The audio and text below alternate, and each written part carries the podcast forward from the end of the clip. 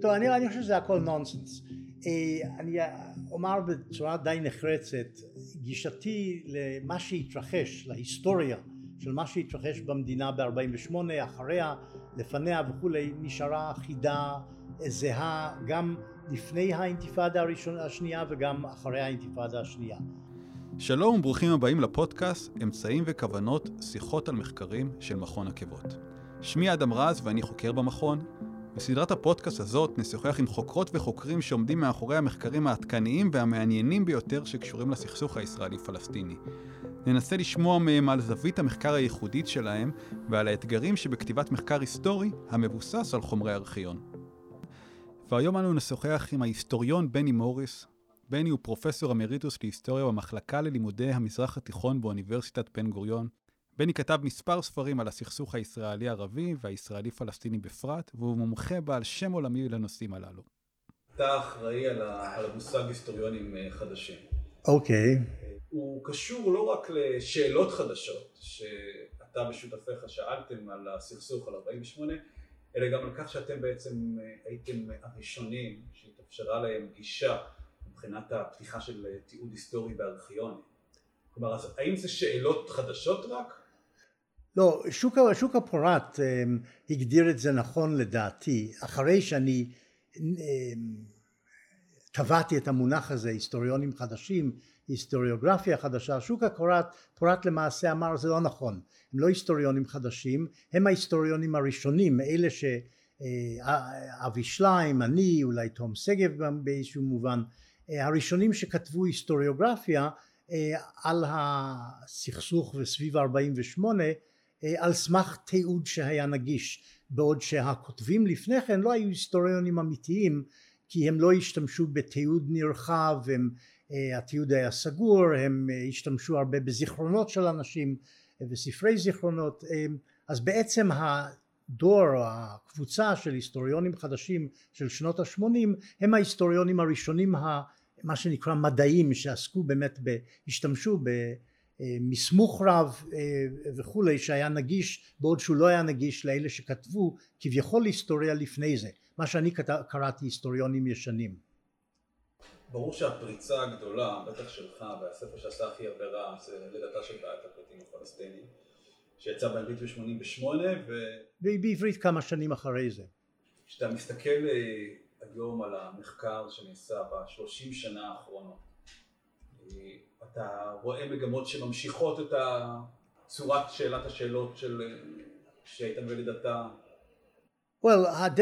הספר ההוא פרץ את הגבולות ופתח את הדלת לעיסוק אמ- אמיתי בשאלה של היווצרות בעיית הפליטים ואולי באופן רחב יותר ב-48 במלחמה בכלל ואחרים אה, המשיכו בדרך, חלק מהם הקצינו מבחינת אה, שירות מטרותיהם הפוליטיות, אנשים כמו אילן פאפה וכולי, כתבו גם בנושא, לא חידשו דברים אמיתיים אבל חידשו בדברים לא אמיתיים, בהמצאות. אה, זה קרה, אבל יש גם בטוח דברים שהם הוסיפו וחידשו גם בדברים אמיתיים ל-48. אני לא רואה שמישהו כתב אחריי, אחרי אותו ספר של 88 והמהדורה המורחבת שלו באנגלית שיצא ב-2004, אני לא רואה שמישהו כתב עוד ספר בסיסי בנושא שהוא שונה ממה שאני כתבתי, או ספר בסיסי בנושא אה, בכלל, שיכול להיות שדי ניצאתי את הנושא בגדול. אם כי אפשר לכתוב על כל כפר ועל כל עיר ומה התרחש בה וכתבו כמה אנשים דברים טובים על מה קרה בחיפה ומה קרה ביפו ב-48 וכולי זה אלה מחקרים חשובים וגם הם נעזרו במקורות ערביים uh, for whatever they're worth שכן uh, הרחיבו את התמונה. אתה מסתכל היום על הדור הצעיר יותר של הכותבים מה מבחינתך לשיטתך צריכים להיות uh, כיווני המחקר העתידיים? כלומר, מה? מיקרו-היסטוריה? אז, אז אה, זה ברור שאפשר לעשות מיקרו-היסטוריה וצריך להסתכל, להתרכז, אה, לעשות זום כזה על אה, מה קרה במקומות מסוימים כמו חיפה, ירושלים, יפו גם כתבו על טבריה לאחרונה זה נחוץ כדי שאנשים ידעו פרטי פרטים מה בעצם קרה כי הדברים הם שונים ממקום למקום ומתאריך לתאריך ב-48 לגבי, לגבי התהוות בעיית הפליטים זה בהחלט נחוץ. מה שבעצם אני חושב עליו שאולי לא נחקר ממש בנושא הפליטים דווקא הוא הבריטים והתהוות בעיית הפליטים. זאת אומרת מה הבריטים בשטח שהיו כאן שליטים למעשה עד אמצע מאי 48 מה הם תרמו לזה ומה הם חשבו על מה שמתרחש ומה הם ניסו לעשות או למנוע או לעזור וכולי לשני הצדדים בנושא הזה של הפליטות. זה נושא שלא נחקר ממש. Britain and the creation of the Palestinian refugee problem. כלומר מבחינתך בעיקר הדברים שצריך to fill the gap זה במיקרו היסטוריה או יש מקום לבוא ולשאול שאלות חדשות בהתבסס על תיעוד היסטורי חדש זהו הבעיה היא שהרבה מהחור השחור שקיים לגבי מה שקרה ב-48 גם בנושא הפליטים הוא כמובן מהצד הערבי. וכל עוד שלא יפתחו את הארכיונים במדינות ערב ואז אם יש באמת חומרים בארכיונים האלה בירדן, בסוריה, בלבנון, במצרים לגבי מה שקרה ב-48 אם, אם נותר שם חומר או יש שם חומר זה נושא שראוי למחקר גם המדינות הערביות והתהוות בעיית הפליטים מדצמבר או נובמבר 47 והלאה איך הם הגיבו מה הם עשו מה, האם זה עניין אותם בכלל ומה הצבאות שלהם עשו כאשר הם נכנסו לארץ מבחינת בעיית הפליטים. כמובן שיש עיסוק הרבה יותר רחב ואלה מדינות ערב ומה שהתרחש ב-48 זאת אומרת המלחמה עצמה. יש ספר בעריכת שליים ורוגן באנגלית The War in Palestine שבוכה יש שם אוסף מאמרים על ירדן והמלחמה, סעודיה והמלחמה, עיראק והמלחמה, אבל הם מבוססים על מיעוט חומר, מיעוט חומר ארכיוני, כמעט אין שם חומר ארכיוני חוץ מחומר אנגלי וישראלי, ואני אומר אם יפתחו את ארכיוני מדינות ערב ויש שם חומר זה בהחלט יכול להעשיר מאוד את התמונה על 48 גם בנושא הפליטים. לפני שאתה זורק את כולם לארכיונים במדינות אחרות כלומר מבחינתך כהיסטוריון השאלות הגדולות על ההחלטות, ההכרעות שהתבצעו בממשלה הישראלית, בביורוקרטיה הישראלית, בצבא הישראלי, מבחינתך השאלות הגדולות האלו ניתן להם מענה במחקר. אם אתה מדבר על נושא הפליטים כן אני חושב שההחלטות החשובות בנושא הפליטים בביורוקרטיות הישראליות מהממשלה ומטה די כוסו אני חושב על ידי שני, שתי הגרסאות של הספר שלי בנושא.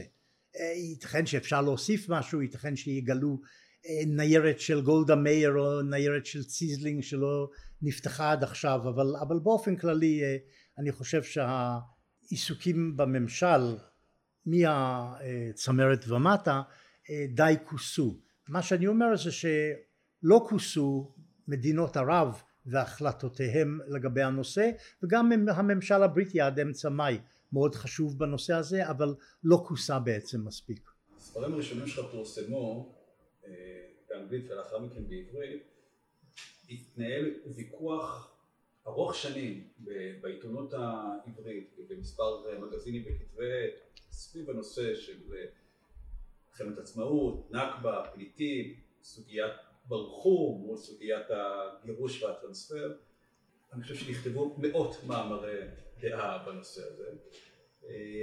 והנה עברו עשרות שנים מאז ואני לא יודע אם ראית את הסרט של מיכל וייץ. כן ראיתי את זה לפני כמה לילות כן. אז הוויכוח מתעורר מחדש. זה לא הוויכוח מתעורר מחדש זה הנושא הנושא למעשה שהושתק די בארץ במשך עשרות שנים מלווה את ההיסטוריה של המדינה הזאת וימשיך ללוות אותה כי הוא במרכז ההתהוות של מדינת ישראל הנושא של הברחת הפלסטינים ניכוס הנכסים שלהם השמדת הכפרים אלה שאלות שפוליטית ומוסרית ילוו את ישראל עד תום. היום הרבה יותר אנשים מוכנים לדבר על סוגיות של גירוש וטרנספר, בטח מאשר תחילת שנות ה-90 שאתה כתבת. כלומר איך אתה מזהה את, את ההשפעה של הכתיבה שלך על הדבר המוזר הזה שנקרא תודעה קולקטיבית הישראלית. כן, כן, לא. בשנות הפרסום של הספרים, המאמרים שקדמו לספר, ופרסום הספר ואז הפרסום שלו בעברית, פתחו את התחום כמו שאמרתי, ופתחו את הנושא לשיח ציבורי גם. לפחות בקרב האינטליגנציה, אבל זה גם ירד למטה דרך האוניברסיטאות, למורים בתיכונים וכולי, והם גם אה, אה, העלו את הנושאים האלה בבתי ספר. אמנם הממסד ניסה לסגור את הדלת שוב אה, במערכת החינוך וגם בארכיונים במידה מסוימת אבל זה פתח את הנושא והוא it's on the table it's been on the table מאז הפרסום של הספר שלי למרות ניסיונות של המדינה הממשלה דרך מערכת החינוך לסגור את הנושא ודרך הפיקוח על הארכיונים לסגור קצת את הנושא אבל זה כמו סוסים שעזבו כבר את העורבה אתה לא יכול לסגור את הדלת. זה מה שאני חושב. מה שמעניין בסרט של מיכל וייץ אותי קצת קצת הפריע לי גם הוא שהרי אני כתבתי מאמר על וייץ בשנות ה-80 פרסמתי את המאמר על וייץ ו... בתיקון טעות לא לא בתיקון טעות לא ב-Middle Eastern Studies. נדמה לי זה הופיע ב-Middle Eastern Studies של אלי כדורי ב-85 או 6 מאמר ארוך על וייץ ופועלו והוועדות הטרנספר ואיכשהו היא כאילו מעלה את, את זה כתגלית גדולה שלה וחידוש שלה בסרט הזה שיצא לפני כמה שבועות. ובעצם כמעט כל מה שנאמר שם נמצא במאמר משנות ה-80 שזה מראה לך קצת איך אנשים כותבים דברים מסוימים ואיכשהו הם נעלמים והציבור שוכח מהם ואז פתאום מועלים מחדש כתגליות. זה נושא מעניין כשלעצמו. השכחה של היסטוריוגרפיה זה מה שאני אומר. כן. איך נשכחה, נשכחים דברים שנכתבו. אני אשמח שתגיד כמה מילים על הניסיון שלך בעבודה בארכיונים ישראלים. אה, אתה גם הגעת בשלב מסוים אה, עד לבית המשפט עם אה, דוח שפירא המפורסם או הלא מפורסם. אחת הסיבות המרכזיות לקשיחות הגדולה של מערכת הביטחון קשורה לפרסומים שלך ושל שותפיך בסוף שנות ה-80, תחילת ה-90. כלומר, כן, מה, מה, מה, שאנחנו, מה שאנחנו פרסמנו בוודאי אה, אה, הדליק אה, נורות אה, אצל ה... מפקחים על הארכיונים אה, והפחיד אותם אה, וגרם במידה מסוימת גם לסגירת דברים שכבר נפתחו בזמנו שהשתמשתי בהם. זה בטוח. אני יודע למשל על אותו דוח של השי מיוני 48 שעסק בהגירת הפלסטינים מכפר... הסיבות להגירה. הסיבות להגירה כן. אה, של השי הערבי והמסמך הזה מיד נסגר אחרי שכתבתי עליו. אז זה, זה הפחיד כנראה את המערכת שיש שם דברים שקשים לתדמית של ישראל והם לא, לא רצו בפרסומם או המשך שימוש בהם ל, לרעת תדמיתה של ישראל. ככה הם ראו בה את הדברים. אמ, אבל החוויה שלך כחוקר הדרך? החוויה שלי הייתה קצת משונה כי אני התחלתי בשנות ה-80 חשבתי לכתוב היסטוריה של הפלמ"ח. זה היה הרעיון שלי שעוד לא, לא כתבתי אותו בסוף. היסטוריה של הפלמ"ח שאין עדיין היסטוריה של הפלמ"ח. נכתב איזשהו משהו על ידי מישהו אבל לא טוב. אבל היסטוריה של הפלמ"ח אין. אז אני רציתי לכתוב דבר כזה וותיקי הפלמ"ח אה, שמחו או לא שמחו אבל אה, קיבלו את הרעיון ונתנו לי אה, גישה לארכיון מה שנקרא ארכיון הפלמ"ח דאז. זאת אומרת ארכיון הניירת של מטה הפלמ"ח מ-48 אמ, ותוך כדי אה, הסתכלות על הארכיון הזה אה, הם החליטו שאני בסופו של דבר לא הופקד על אה, כתיבת ההיסטוריה של הפלמ"ח ואז עברתי לנושא הזה של הפליטים. למה עברתי לנושא של הפליטים? חלקית בגלל שראיתי מסמכים בתוך ארכיון מטה הפלמ"ח שנגעו להיווצרות בעיית הפליטים כמו הפקודות גירוש של רבין לגבי ערביי לוד למשל מיולי 48 אז זה הצית את דמיוני גם פגשתי פליטים אולי בפעם הראשונה במלחמת לבנון במחנה רשידיה ליד צור ב-82 גם זה איכשהו גרם לי להתעניין בנושא. אז אני ראיתי מסמוך בתחילת הדרך מדובר ב-83 84 ראיתי מסמוך שאחרים לא, לא היה נגיש לאחרים מטה הפלמ"ח. וגם נתנו לי אפילו להסתכל קצת בארכיון צה"ל אבל הם הקפידו אז הארכיון היה סגור ארכיון צה"ל היה סגור לחוקרים עצמאיים לא מהממסד. הם הקפידו שאני לא אוכל לצלם שום דבר לא נתנו לצלם מסמכים וגם הם אמרו שאם אתה רוצה לרשום משהו אתה צריך לרשום על כרטיסיות ואתה משאיר את הכרטיסיות האלה אצלם הם יעברו על הכרטיסיות ואז הם ישחררו לך את הכרטיסיות בביקור הבא שלך את מה שהם רואים שראוי לשחרר, לשחרר לך וזה מה שהיה בהתחלה. אחרי כן כמובן בשנות ה... אני יודע התשעים פתחו את ארכיון צה"ל לפחות חלקית לעיון לחוקרים ואז ראיתי מסמוך אמיתי וצילמו וצילמתי וכולי. אבל הייתה היה קשה לגשת למסמוך צבאי בשנות השמונים. אז אני אומר הייתה לי גישה שנתנו לי מעבר מעל ומעבר לפנים משורת הדין אבל בעיקר הגעתי למסמוך על מה שהתרחש בשטח ב-48 בניירות משרד החוץ ומשרד ראש הממשלה.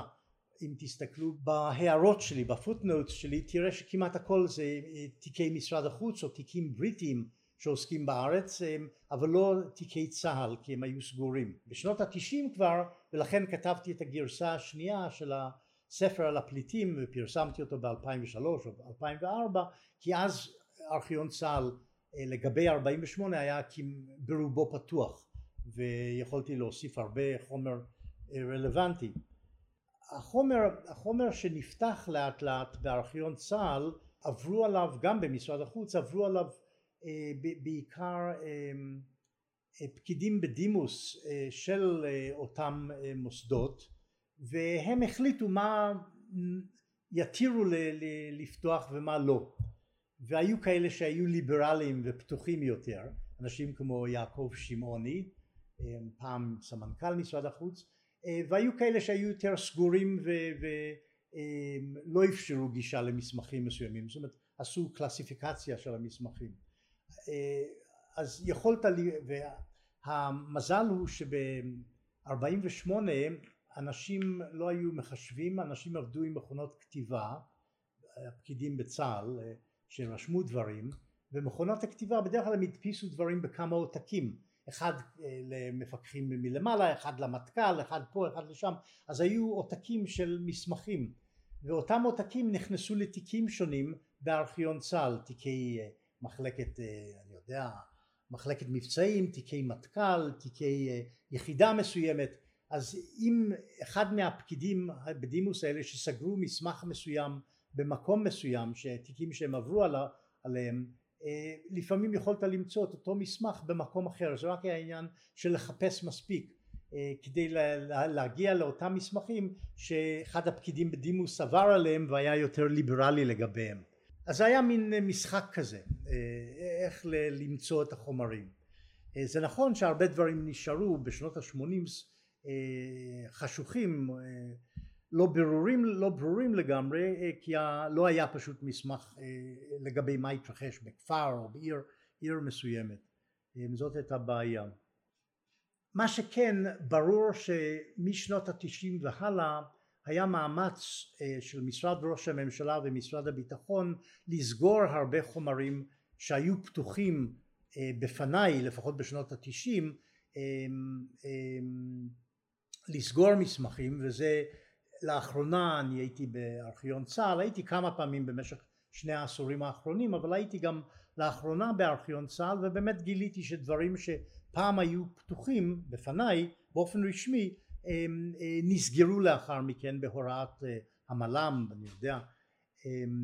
שזה הליכה אחורה מבחינת הפתיחות של החברה הישראלית שזה חבל מאוד זה מקשה קצת וזה גם קצת אידיוטי כי רוב הדברים כבר פורסמו וסגירת המסמכים המסוימים האלה בפני חוקרים חדשים לא ממש משרתת שום אינטרס כי כמו שאני אומר החומר כבר יצא לאור ויצא בפרסומים וכולי למשל אותו, אותו מסמך ההגירה. של השי על ההגירה הערבית אני, אני יודע דרך אגב שהוא סגור במקום אחד ופתוח במקום אחר עד היום זאת אומרת בהוראת משרד הביטחון הוא סגור בארכיון מסוים ובמקום אחר אתה כן יכול להגיד. אנחנו מצאנו את העותק שלו אחד בגבעת חביבה. כן יש, היו שני עותקים בגבעת חביבה היה אחד אצל חיים כהן שהיה אצלי והיה אחד אצל וושיץ ושם לא סגרו אותו נדמה לי.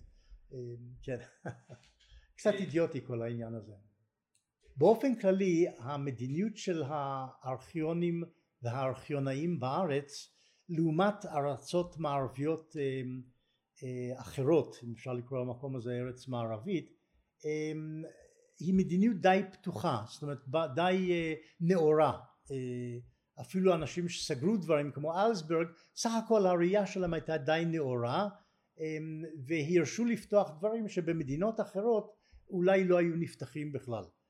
אז זה חלק תוצר של בלגן שאנשים שונים בדקו תיקים שונים והגיעו למסקנות שונות לגבי אותם מסמכים אבל חלק זה גם עניין של בכל זאת פתיחות מסוימת של המערכת למרות המאמצים של ארכיון צה"ל והמפקחים על ארכיון צה"ל לשמר את תדמיתה של מדינת ישראל.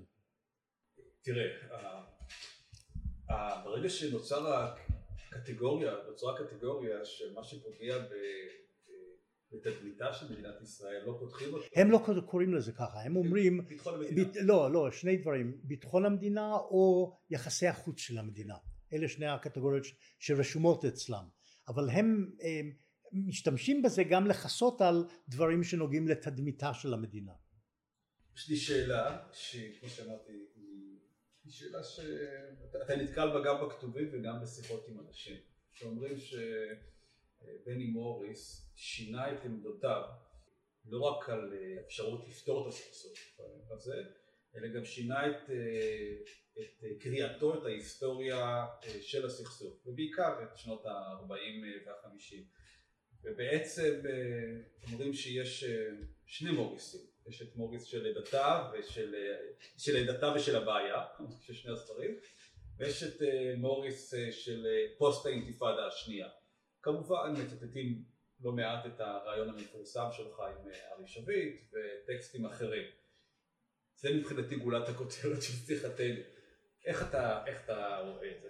טוב אני, אני חושב שזה הכל נונסנס אני אומר בצורה די נחרצת גישתי למה שהתרחש להיסטוריה של מה שהתרחש במדינה ב-48 אחריה לפניה וכולי נשארה חידה זהה גם לפני האינתיפאדה הראשונה השנייה וגם אחרי האינתיפאדה השנייה. לא השתנתה הגישה ההיסטוריוגרפית שלי ואם תסתכלו דרך אגב במהדורה החדשה המורחבת של הספר על התהוות בעיית הפליטים שיצא ב-2003-2004 לעומת המהדורה הראשונה שיצאה ב-1988 תמצאו שמבחינת התדמית של ישראל הספר השני הוא קצת יותר קשה לישראל מהספר הראשון כי יש שם הרבה יותר חומר וגם הרבה יותר חומר על גירושים ומעשי טבח. אז הגישה שלי להיסטוריה של מה שהתרחש לא השתנתה.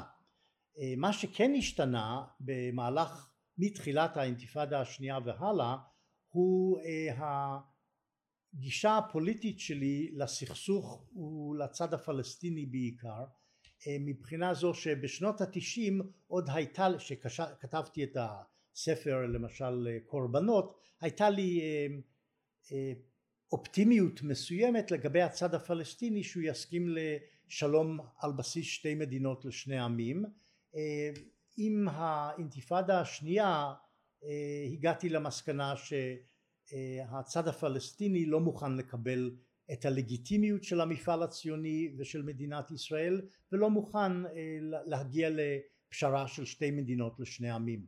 זאת אומרת שבעצם מבקריך של מוריס א' ומוריס ב' בעצם מבקרים או משליכים את הקריאה שלך על אירועי השנים האחרונות על המחקרים שלך של...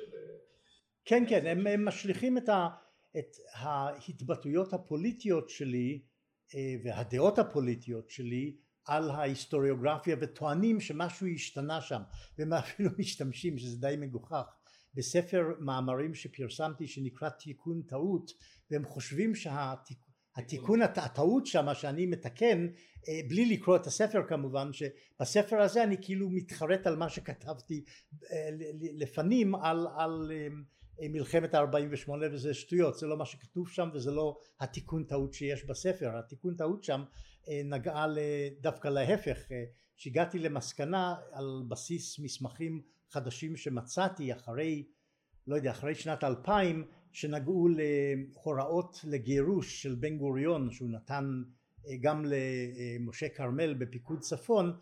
אני שיערתי שמה שקרה בצפון בשנות ה-80 שיערתי שמה שהתרחש היה בעיקר תוצר של נסיבות בשטח במקומות שונים במהלך בעיקר במבצע חירם בלי שידעתי שבעצם בן גוריון ביקר בפיקוד צפון באותו זמן ואמר למשה כרמל אלוף חזית צפון שהוא היה רוצה שמעט מאוד פלסטינים כמה שפחות פלסטינים ערבים לא פלסטינים ערבים יישארו בשטח. כאילו מין הוראת גירוש אבל בלי שהוא נותן לו הוראה רשמית מפורשת. אבל זאת הייתה הטעות שם שנגעתי בה בספר והיא לא נגעה כלל לעניין של ראייתי את 48 באופן כללי ובוודאי לא בכיוון שאנשים טענו נשמח אם תגיד כמה מילים לסיום על נושא המחקר האחרון שלך או החדש שלך על טורקיה והארמנים והאם יש קשר בין נושא המחקר שלך כלומר האם זה איך התעוררה ההתעניינות בשאלה הזאת? אניטה שפירא פעם כתבה עליי נדמה לי שהיא כתבה את זה אם לא מורה לברון או שניהם שאני מתעניין במעשי טבח זאת אומרת זה נושא שמעניין אותי וכנראה שזה נכון.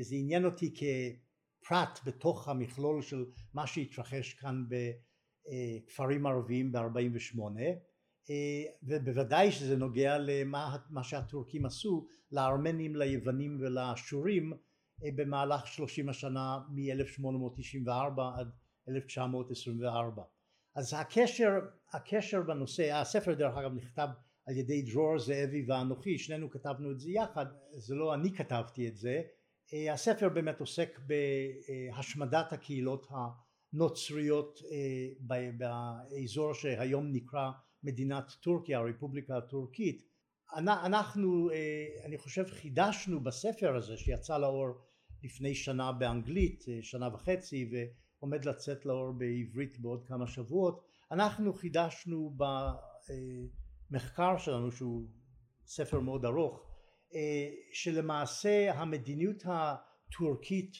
הרשמית והלא רשמית במשך שלושים השנה ומכסה שלושה משטרים שונים טורקיים הממשל של הסולטן עבדול חמיד השני בשנות התשעים של המאה התשע עשרה והממשל הטורקי של הטורקים הצעירים במהלך מלחמת העולם הראשונה והממשל הטורקי החדש אחרי מלחמת העולם הראשונה תחת הנשיא אטאטורק שלושתם קבעו כמטרה למעשה את היעלמות הקהילות הנוצריות בטורקיה.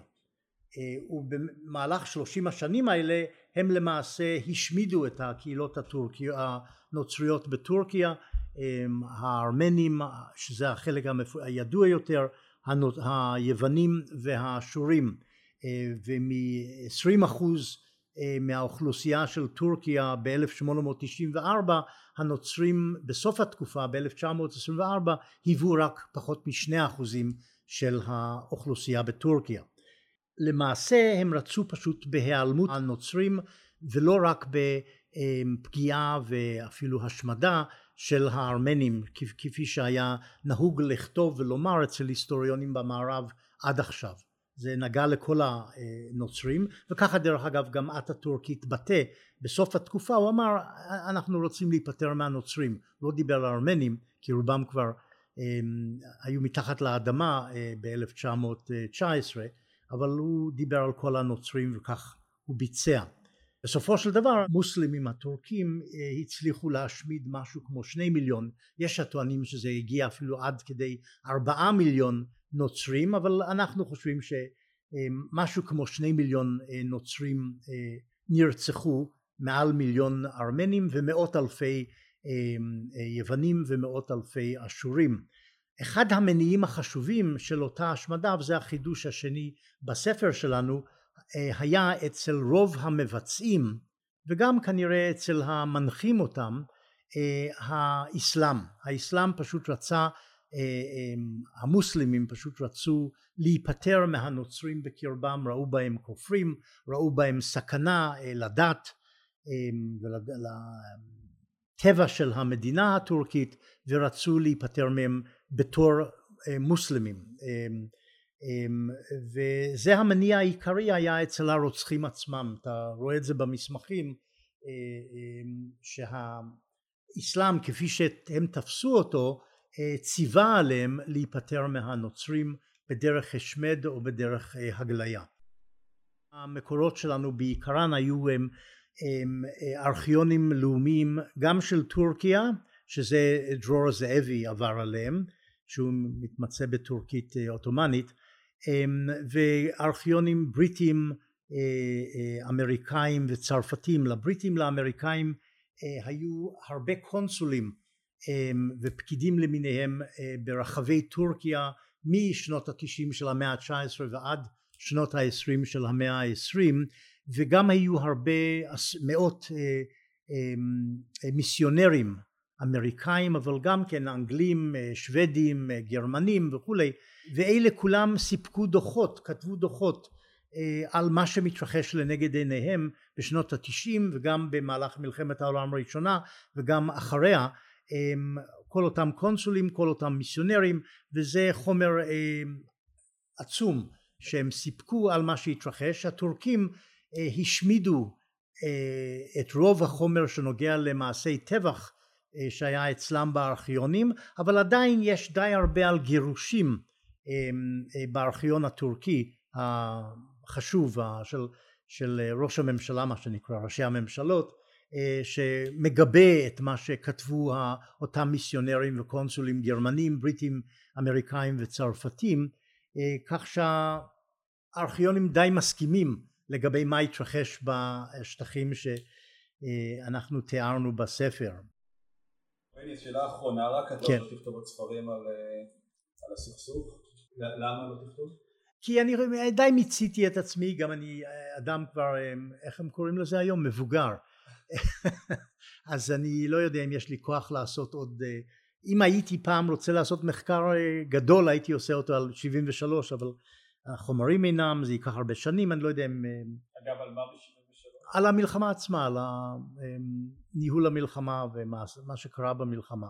אבל לא אני החלטתי שאני לא אכתוב יותר על הסכסוך אין לי בעצם הרבה מה לחדש לגבי השנים לפני 48 48 וגם השנים מיד לאחר מכן אה, ייתכן שאני אכתוב מאמרים פה ושם על דברים שנוגעים ל-48 ויש אפילו איזשהו מאמר שאני מקווה שיתפרסם בעוד כמה חודשים על נושא מסוים ב-48 אבל אה, מעבר לזה אני לא, לא, לא נראה לי שאני אתעסק הרבה בהיסטוריה ישראלית פלסטינית זהו על הכיפאק. בני, תודה רבה על הזמן שלך ועל השיחה. מאה אחוז. תודה לכל המאזינים. אתם מוזמנים להמשיך לעקוב אחר הפעילות של מכון עקבות באתר שלנו, בפייסבוק, בטוויטר ובערוץ היוטיוב שלנו. נתראה בשיחה הבאה.